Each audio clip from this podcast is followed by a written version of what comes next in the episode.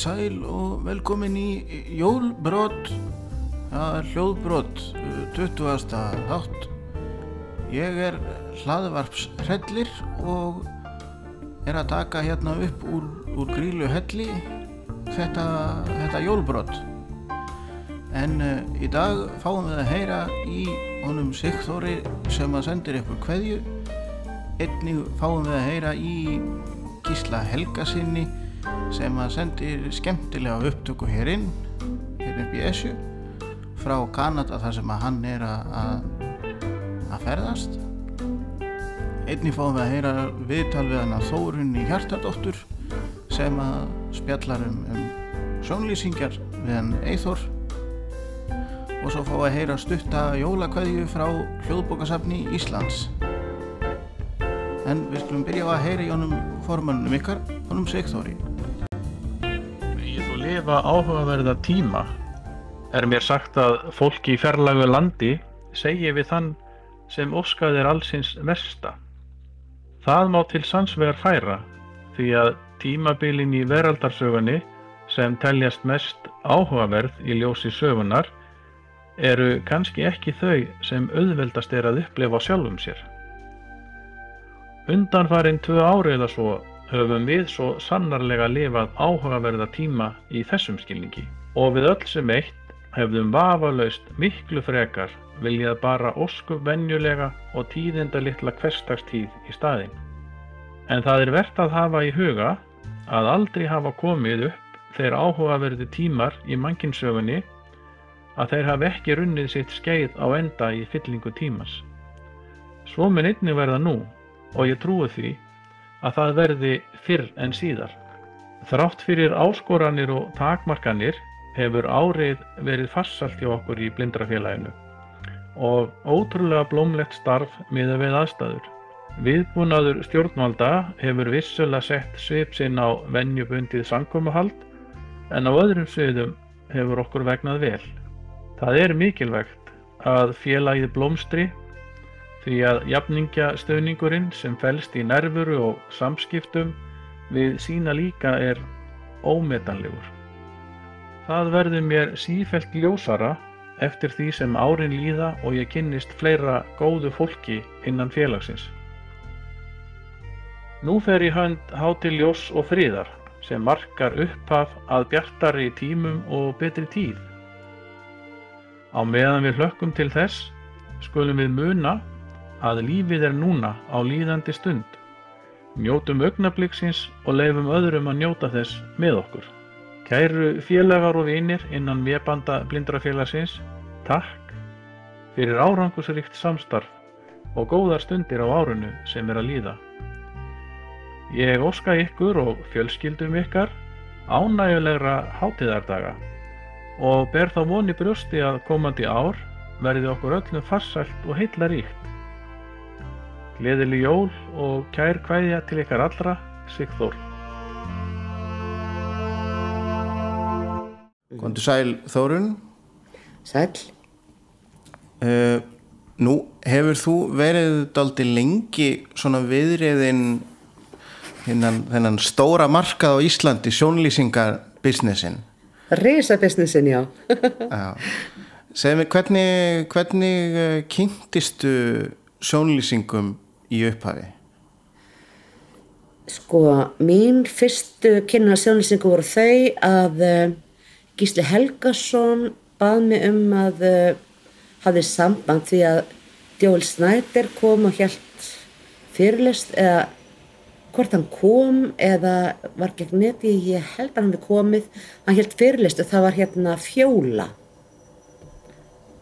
félagast ekki fjóla sem jú, er. Jú, jú, Já, uh, og hann held þar fyrirlestur um þetta fyrirbæri sjónlýsingar. Það hefur líklega verið kannski 2010 eða 11. Uh, hann held fyrirlestur sem var tekin upp, gísli tók hann upp og máli var að um, hann bað mér semst um að, ef ég maður rétt, hann baði mig um að þýðan á íslensku, þess að bara, já, sk- já, skrifa niður og þýða það sem að Djóla hefur að segja já, og uh, bara þegar ég fór að hlusta þá tengdi strax við þetta vegna þess að Djóel fór að lýsa sjónlýsingum og ég tengdi við það vegna þess að þegar ég var krakki þá átti amma heima hjá okkur, hjá mér bjóð hjá okkur og hún sá ekki neitt.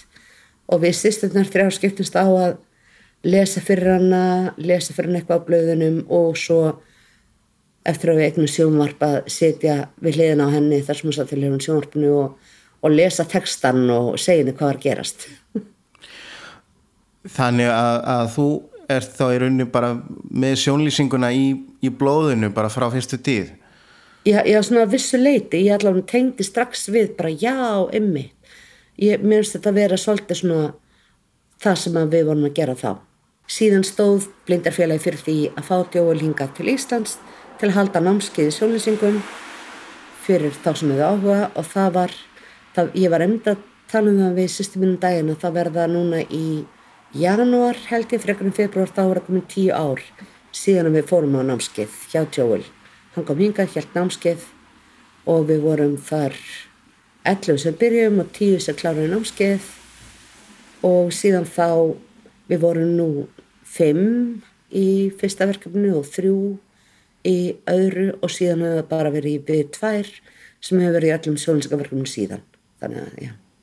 Hvernig, hvernig býr maður til góða sjónlýsingu á, á leikriti eða bíómyndi eða, eða sjónvastætti Hva, hvað eru svona mikilvægi hlutir til að hafa í huga þegar þegar þú ert að reyna að finna út hvað á að vera með og hvað á ekki að vera með Já, það er nefnilega, þetta er ansið flókið sko því að eiginlega hérna snýst þetta aðlum að skoða, horfa aftur og aftur og aftur og reyna átt að segja á hvað er það sem skiptir máli, hvað skiptir mestu máli, hvað skiptir litlu sem engu máli og já, velja hvað það er sem þarf að lýsa því það er alltaf svo stuttur tíma, svo knappur tími sem maður hefur.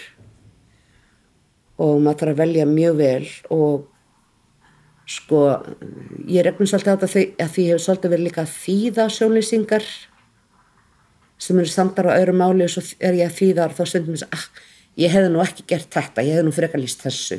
En, en, en þetta er auðvitað auðvitað er það líka að einhver leiti mjög huglegt sko á matskent en það er semst átt að segja á því hvað það er sem skiptir mestumáli að lýsa farða í orð og uh, helst hafa svolítið góðan orðaforða þannig að maður geti valið til dæmis orð sem eru stittri og með ferri atkvæði til að koma fleiri orðum að. Það kemur strax upp í, í hugan hjá mér þegar þú segir þetta að að ég horfður svolítið á Netflix og það er þetta mikið af sjónlýsingum þar og ég hef stundum gert að, að gafni mín að telja lýsingarorðin sem eru nótið þegar fólk kissist það er alltaf, það er alltaf nýtt lýsingarorði hvert skipti sko. Já. Sem er hérna Þa, það er líka eitt sko sem er, mér finnst allavega mjög aðdeglisvært í sambandi við sjónlýsingar og að því, já, nú er ég að vera búin að vera að pæla í þessu og vinna þessu í tíu ár og það eru svona það eru mjög skipta skoðanir um það í sjólísenda heiminum hvort að það eigi sko já, hverju hvort maður eigi að segja hvort það sé í lægi að segja að einhver sé einhver sé fallegur, einhver sé myndalegur einhver sé gladur maður eigi frekar að lýsa bara starrendum þú veist, hérna uh, eh, minnvik, uh, já eins og mannskja brosir og uh, hlátur ykkur við augun eitthvað svona sko, heldur en bara að mannskja sé glöða því að það er ekki að lýsa maður er ekki semst að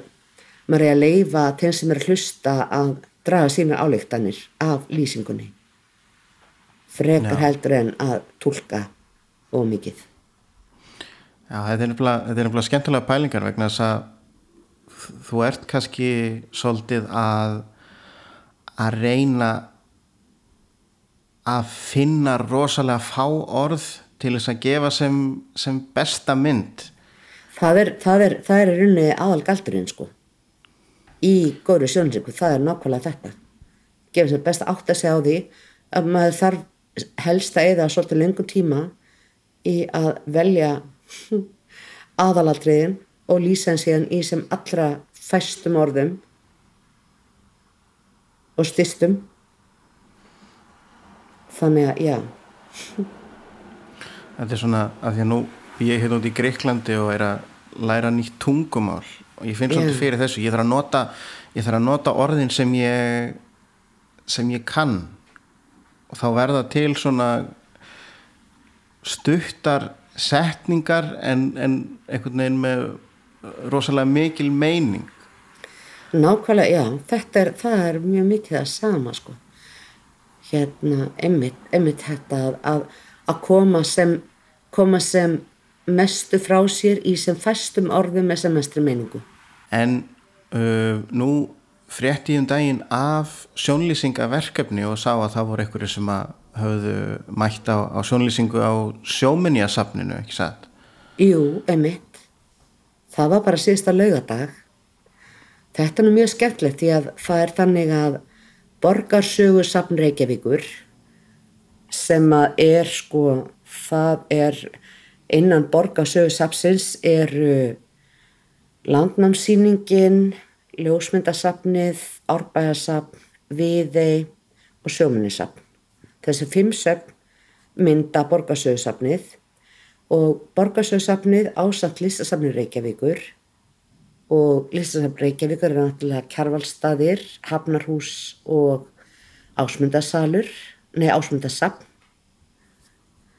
við sektún að eh, þau sem sagt efna til samstagsverkefnis sem að er svona aðgengisverkefni sem heitir Tökum hendum saman.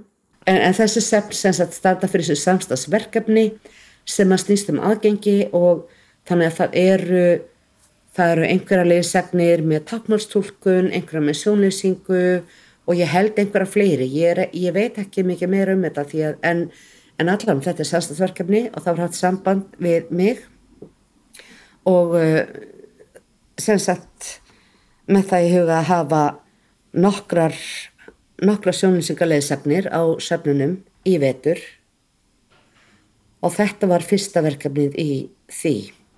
Já, fyrsta leiðsagnin í því verkefni.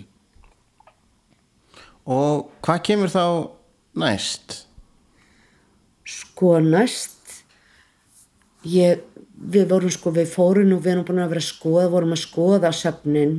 Við erum ekki búin að skoða öllum við fórum um daginn og alveg slatta söfnum og hann pæli að því við fengum svolítið frjálsar hendur með það hvað okkur fannst henda vel til að sjónlýsa og uh, þetta verkefni þetta var okkur mjög skemmtilegt að fara í sjóminnisafni líka. Þetta er svo þetta er svo, for, þetta er svo já, forðlegt og spennandi sýning því að þetta er snýst um fyrstu neðan sjáar forðlefa rannsókn á Íslandi.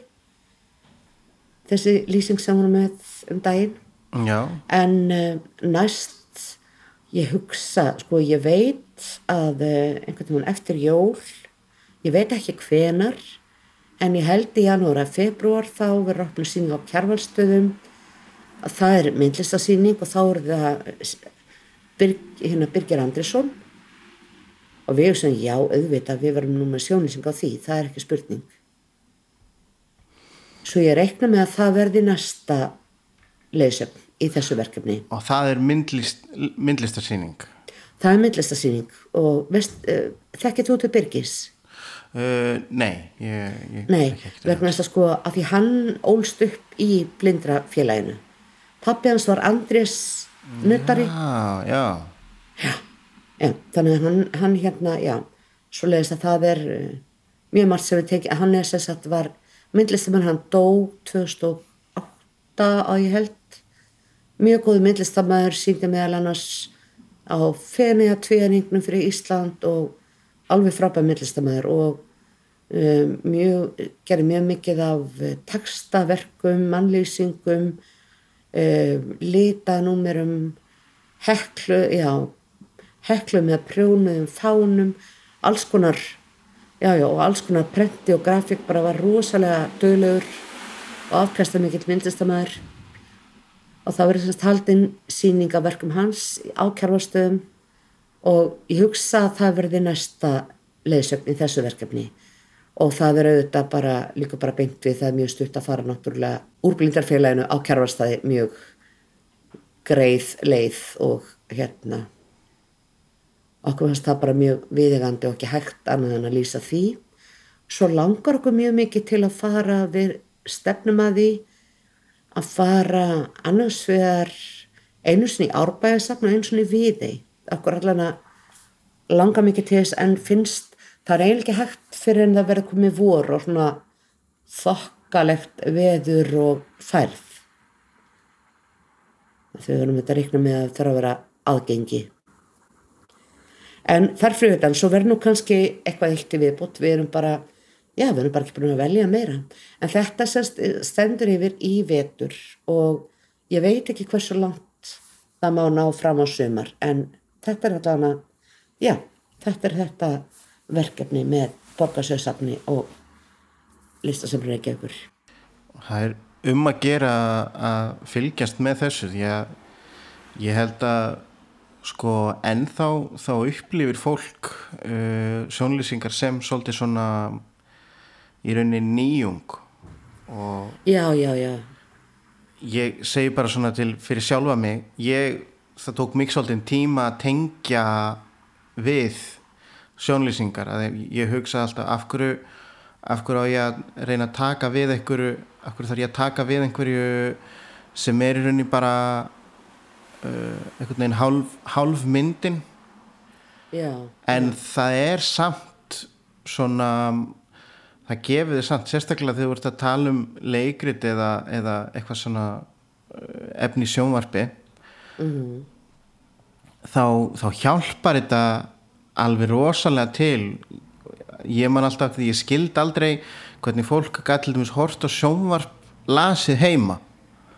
Ah, af því að fyrir mér var alltaf að horfa sjónvarp sko að vera með 100% aðtikli 100% af tímanum. En nú er það í lorði þannig að ég er farin að hlusta einlega nánast bara á efni sem hefur sjónlýsingu. Já, einmitt.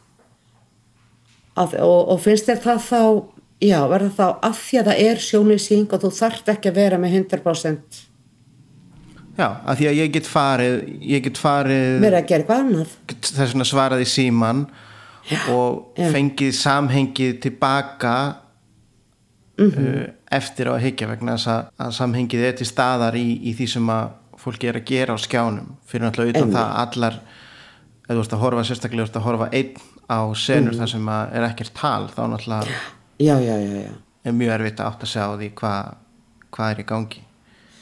En eins og til dæmis, bara nú spyr ég, bara sem sjónlýsandi, sko, skiptir það máli fyrir þig að vita þegar það er kannski sagt í sjónlýsingu að nú er loftmynd, eða, séð ofan frá svona lýsingar á skotum til dæmis í sjónvarsafn og bíómyndum? sko, Hvort er frá hlýð, hvort er nærmynd, hvort er ofan frá eða hvað?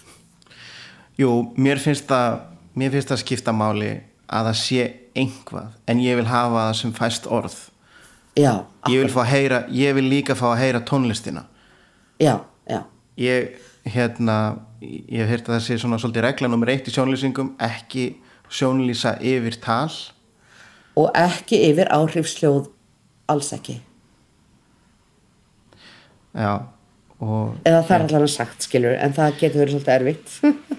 á, það er kannski svolítið að svona meta ég var nefnt, ég voru að hlusta á horfa þátt með, með félaga mínum og þá var sjónlýsingin sko áður en atbyrðurinn gerist já, já, þá hafa þær sett það vegna þess að það kemur svona einhver svona stinger atbyrður Já. svo byrjar hröð atbyrðarás já, akkurat. Og hvernig virkaði, þetta er einmitt eitthvað sem okkur var kent að, að, að það mögulega gæti þurft að grípa til þessa ráðs ef það er ekki séns að koma inn eftir á og nema trubla. En hvernig virkaði það fannst þér? í, í þessu tilfelli þá var þetta, þá er þetta fyrir þá sem hafa áhuga því þá er þetta í Star Trek Discovery fyrstu serju Já, sem er inn á Netflix. Uh, en í sömum tilfellum held ég að sé allt í lagi að gera það sko. Já, af því að, af því að það, það, það býr til rými fyrir eitthvað sem að skipti meira máli. En mér, það sem ég er mest áhugast í þessu er hvað þetta þarf í raun að vera vel úthugsað til þess að virki vel en það er þess vegna sem að, en það er líka málið eða þóra að sko að nokkla þess vegna að þá, þá er þetta mjög tíma fyrir ekki að vinna. Að því maður þarf að hugsa svo rosalega skoða svo rosalega vel bara hvað og hvernig er hægt að gera þetta. Uh, þannig að það krefst tíma og það er auðvitað það er náttúrulega já, aðalmáli að baka við það að, að því margir er bara hvernig getur það verið að tekja svona langan tíma að gera sjónlýsingu fyrir svona marga mínútur? Eða eitthvað þannig. En hérna en, en það er bara máli alveg svo, alveg svo er talað um í sambandi við sko við fólk sem er að skrifa texta að þú veist að það tekur helmingi lengri tíma að skrifa styrtan texta heldur en langan texta. Þú veist að hnýtt með að texta tekur tíma. Já, þannig að þetta er svolítið svona eiginlega það lögmál held ég. En um, svona einn loka spurning áttu þér einhverja uppáhalds sjónlýsingu eða svona getur bent á eitthvað þar sem að þér finnst sjónlýsingin vera mjög góð?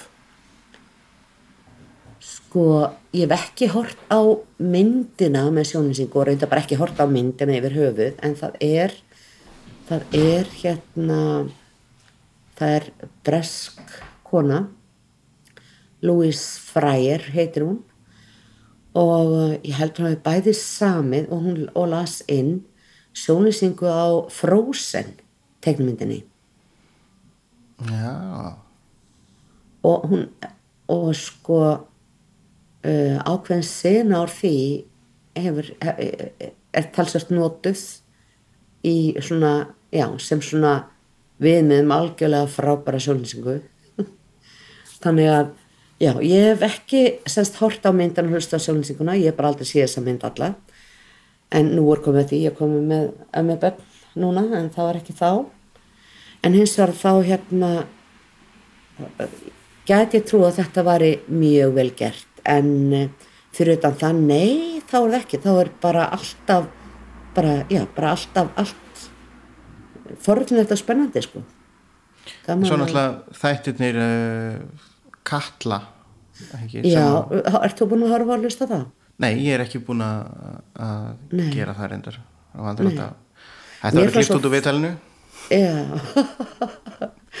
já með, með, hérna, með köllu þá, mér fannst alveg frábært að sko að, að það var í fyrsta sinn held ég, já, og bara, já, ég veit það, sem að, sem sagt, uh, fólk á Íslandi gat hort og hort á nýja íslenska sjónvarserju og hlust á sönsingu og á nákvæmlega sama tíma var nú sínd á Netflix og uh, já, bæði, semst fyrir, fyrir, bæði fyrir það sem vildi sjónlýsingu og það sem ekki vildi, þá bara fremsýningin var á sama tíma.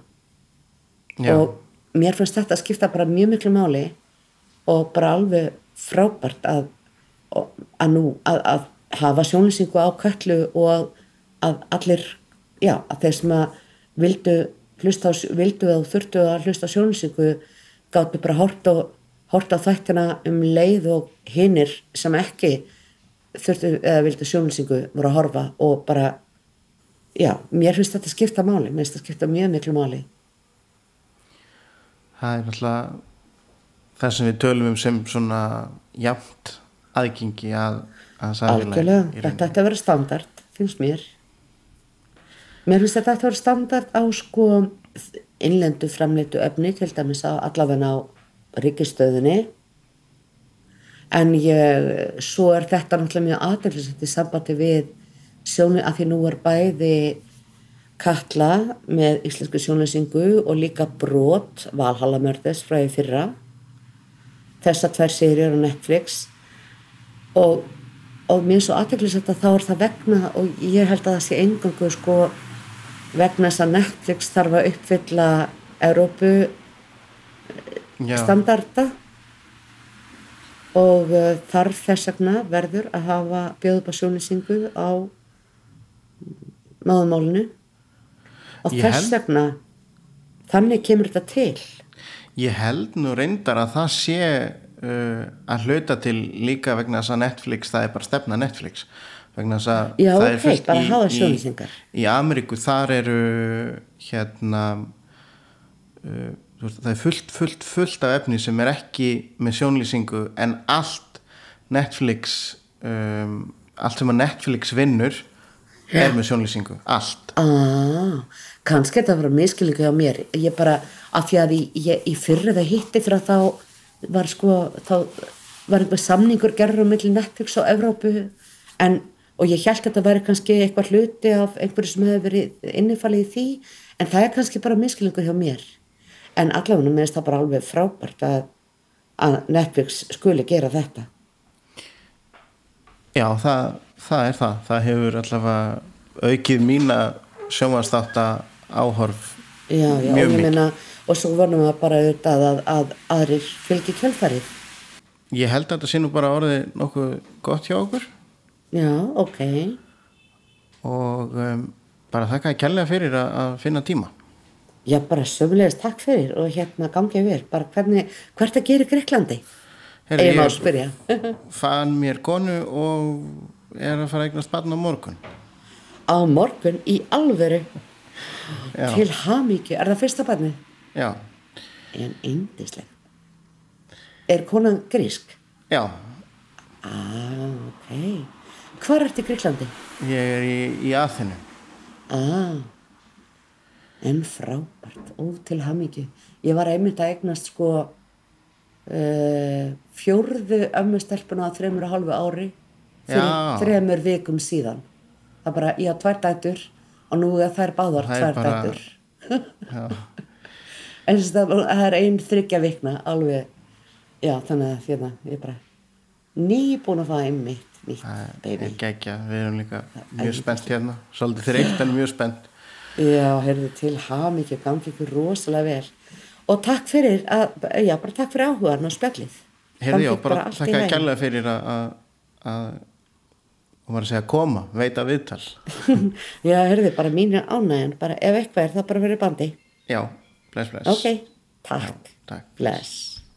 Í dag er 20. desember 2021 og klukkan er núna hjá okkur um þrjú að eftirmiðdegi og ég eh, er í Kanada, í Quebec héraði við St. Laurent ána. Ég var einhver þar fram.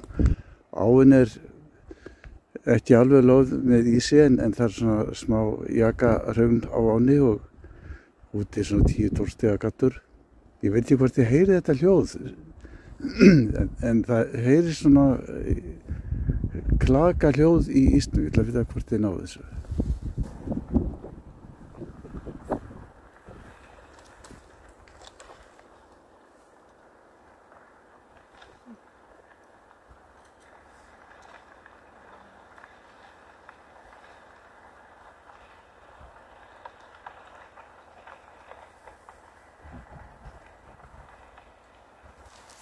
Þetta heyri svona eins og grjótmulningur og svona effekta notaðu þeir hjá ríkisútvarpinu þegar þeir hérna fóru út í grimsi að atva hvort íspyrnir öskuruð eða öskuruð ekki. Og þegar Karla Kól Kolbensíka söng hérna Úlabalabbalei og Jón Múli var einsokari en ég hef aldrei heyrst svona ís hljóð áður. Gaman að heyra þetta